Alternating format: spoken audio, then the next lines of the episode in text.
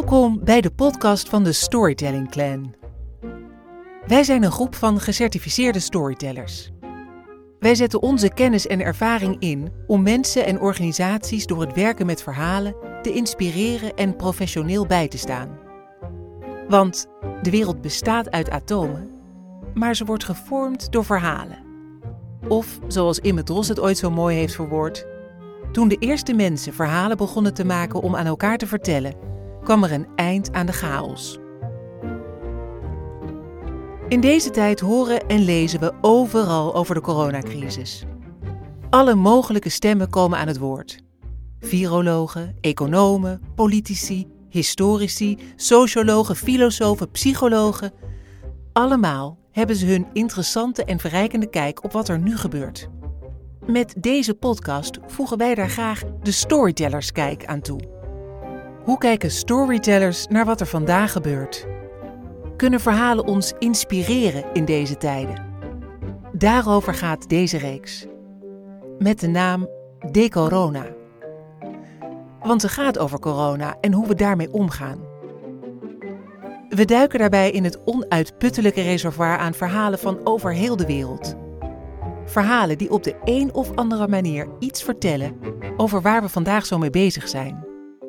Waar botsen we op onze grenzen als mensen? Hoe maakt de crisis ons inventiever dan we ooit hadden gedacht? Wat doet angst met een mens? En hoe overwinnen we angst? Hoe is het om in het veld van het niet weten te staan en je als mens verloren te voelen? Hoe creëer je perspectieven voor wanneer dit allemaal voorbij zal zijn? Verhalen bieden antwoorden op vragen. Verhalen geven betekenis. En daarom vertelt in elke aflevering iemand van onze clan een verhaal. Een verhaal dat voor hem of haar op de een of andere manier met deze coronacrisis verbonden is. De corona dus. Over corona. Maar de titel verwijst ook naar de Decamerone, de bundeling van verhalen die tien mensen aan elkaar vertellen op de vlucht voor de pest in het middeleeuwse Florence. Ze zitten met elkaar in quarantaine. De Corona is ook een Decamerone, maar dan aangepast aan de situatie van vandaag. De leden van onze Storytelling Clan zitten in hun individuele quarantaine, elk apart. En toch ook weer niet, want verhalen verbinden. We hopen dat deze podcast ons ook met elkaar verbindt. We wensen je alvast veel luisterplezier met deze eerste aflevering van De Corona.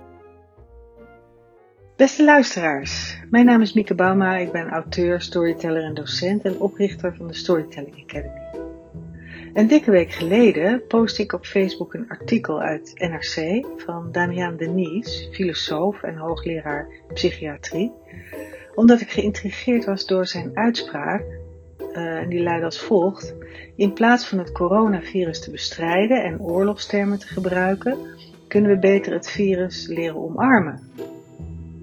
Nou ja, ik kreeg een paar verontwaardigde reacties op mijn post. Want hoe zat het dan met al die arme mensen die vechten voor hun leven op de IC? En ja, natuurlijk is dat vreselijk. Maar ik denk wel dat het virus, niet, niet het virus zelf, maar het willen beheersen, het controleren van het virus een obsessie is geworden. En dat lijkt heel erg op wat ik vaak zeg over draken. Uh, in verhalen uh, staat de draak vaak voor de angst, uh, voor dat wat we niet aan willen kijken. En wij zijn dan hier in het Westen, in onze westerse mythologie, ook behoorlijk vertrouwd geraakt met het verhaal van de drakendodende held.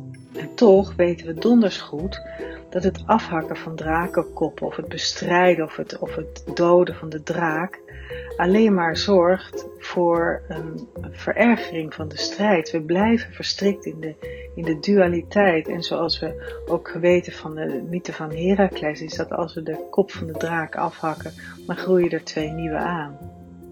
Dus we moeten eigenlijk iets anders doen. Het is eigenlijk al sinds het verhaal uit de Bijbel, waarin de aartsengel Michael vecht met de draak, uh, dat er sprake is van polariteit. Er is een wereld boven, in de hemel en eentje ver in de, in de diepte. Er is licht, er is donker, er is man en er is vrouw. En tot op de dag van vandaag proberen we dat wat ons bedreigt te bestrijden en heel ver weg te stoppen.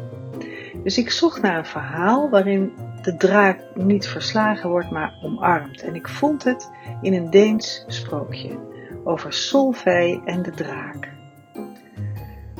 Het verhaal begint met een koning en een koningin die geen kinderen hadden, maar hevig verlangden naar een kind. De koningin bad iedere dag om haar wens in vervulling te laten gaan en op een zekere nacht had ze een droom. Ze zag een stralende lichte gestalte die tot haar sprak en die zei, Neem bij het vallen van de avond een schaal en zet die op een beschutte plek in de tuin. In de vroege ochtend, als de zon opkomt, zul je twee rozen in de schaal vinden. De ene wit en de andere rood. Als je de rode roos eet, krijg je een zoon. Eet je de witte, dan krijg je een dochter. Maar eet niet van allebei de rozen, want dat zorgt voor ongeluk. Nou, de koningin besloot te doen wat ze gehoord had. Dus ze bracht een schaal naar een beschutte plek in de tuin en ging vroeg naar bed. De volgende ochtend heel vroeg vond zij inderdaad twee rozen in de schaal, een witte en een rode. Ze weifelde, welke roos zou ze nou kiezen? Ze nam de rode, maar legde die snel weer neer. En toen ze de witte roos oppakte, rook die zo heerlijk dat ze de roos gelijk helemaal opat. Maar oei, wat was die roos lekker zeg.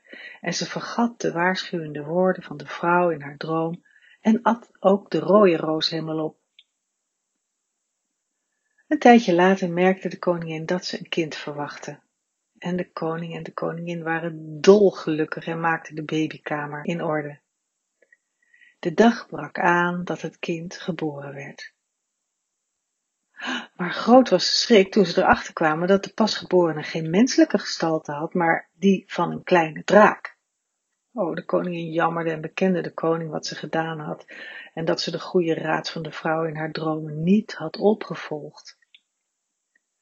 De drakenzoon groeide en groeide en in korte tijd was hij groot en volwassen. Hij leefde in een afgelegen deel van het paleis met een oude, doofstomme knecht als bewaker. Voor de koning en de koningin was de drakenzoon een enorme last en een groot verdriet, want zijn vraatzucht en veeleisendheid waren onbegrensd. Zo stond hij op een dag voor de koning, richtte zich hoog op en sprak, ik wil het mooiste meisje van het land tot vrouw hebben. Nou, deze eis vervulde de koning natuurlijk met grote zorg. Maar ja, hij wist geen uitweg en hij zocht dus maar een mooi meisje voor de draak uit. Na de eerste huwelijksnacht was ze al en niemand zag er ooit weer terug. Korte tijd later stond de draak opnieuw voor de koning en sprak met dreigende stem, ik wil het mooiste meisje tot vrouw hebben. Opnieuw werd een lieflijk meisje uitgekozen als bruid voor de draak en na het huwelijksfeest werd zij s'avonds naar de kamer van de draak gebracht. Maar ja, ook dit meisje verdween en datzelfde gebeurde nog een keer. En weer eiste de draak een mooi meisje. De koning was wanhopig en besloot tenslotte bij de armste van zijn volk te zoeken of er geen meisje was dat vrijwillig met de draak wilde trouwen. Zo hoorde hij dat er aan de rand van een groot bos een oude vader met een prachtig mooi meisje naar lichaam, ziel en geest woonde. Ze leefden van de opbrengst van geneeskrachtige kruiden die zij in het bos zochten en verkochten. Met die kruiden genazen ze ook vele zieken. En daarom kwamen van heinde en verre vele mensen naar het kleine hutje om hulp te vinden. De koning ging op weg naar het hutje en klopte op de deur.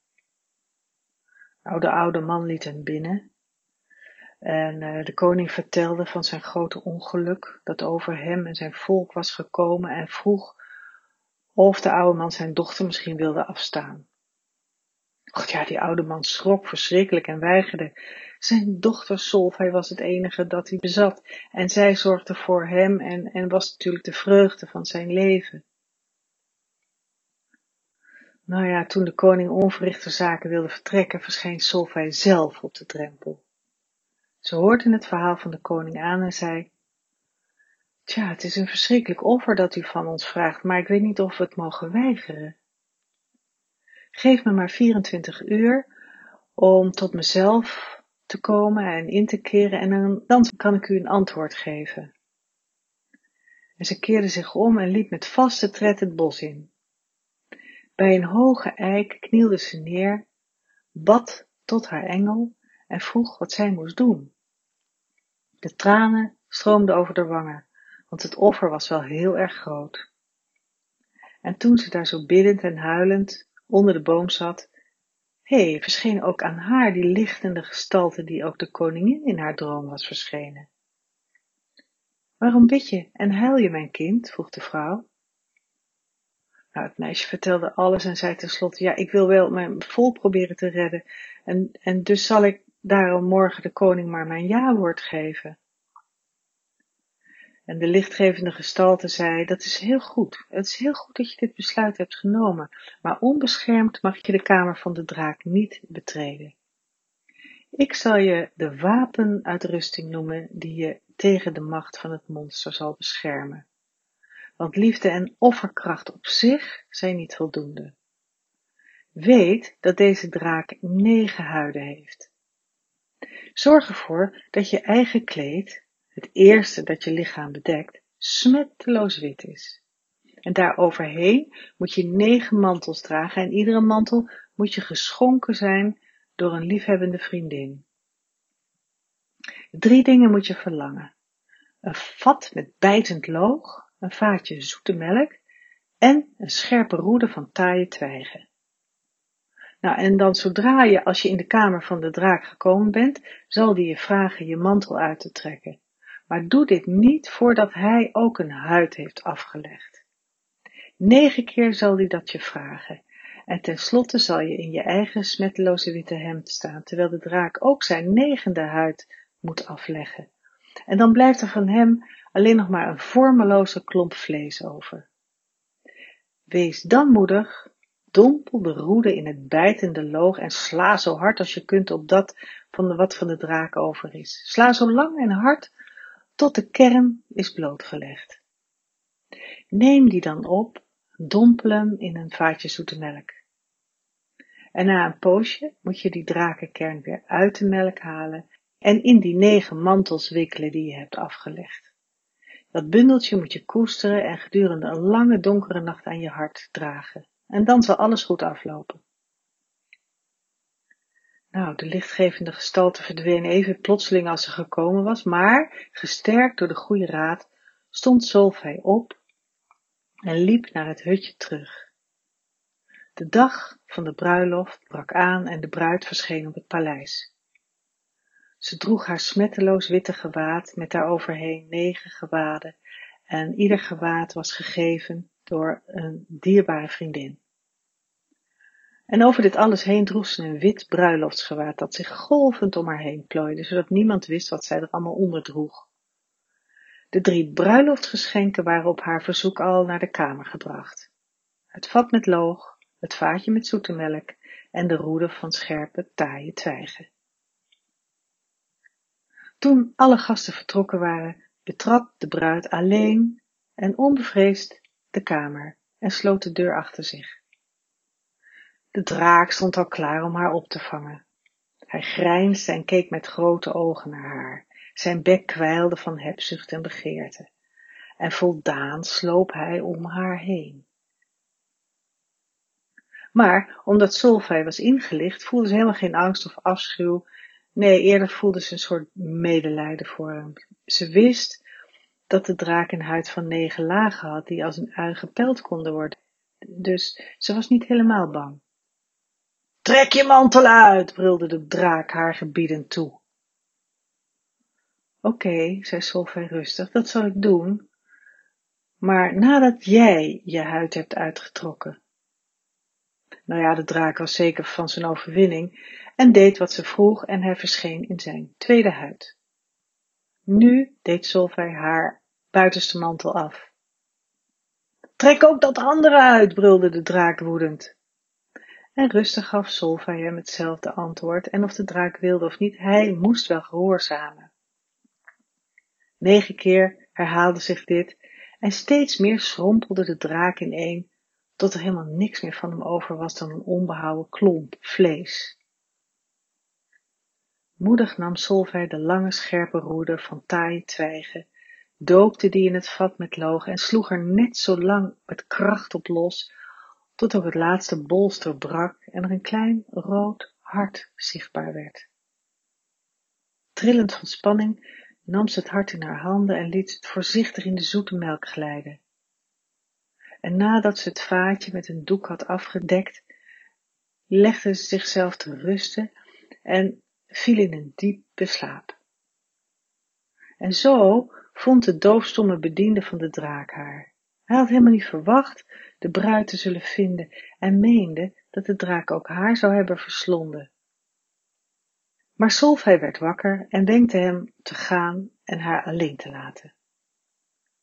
Ze bleef de hele dag op haar kamer en toen het avond werd nam ze het kleine rode hart uit de zoete melk en wond de negen mantels die zij had afgelegd eromheen. Liefdevol nam zij de bundel nu in haar armen en sliep een hele nacht. En die nacht voltrok zich het wonder. Toen Solvay de volgende morgen wakker werd, stond voor haar de schoonste en edelste prins die zij ooit had gezien. Hij straalde in de opgaande morgenzon. De betovering was verbroken en geweken door haar liefdevolle opoffering en door haar moed en standvastigheid. Dit was het verhaal van Solvay en de draak. Tot zover deze aflevering van De Corona. Bedankt dat je luisterde. Blijf veilig, blijf gezond, blijf vertellen, blijf luisteren. Want volgende week is er weer een nieuwe aflevering van De Corona. Wil je meer weten over wat we doen als Storytelling Clan? Surf dan eens naar storytellingacademy.nl.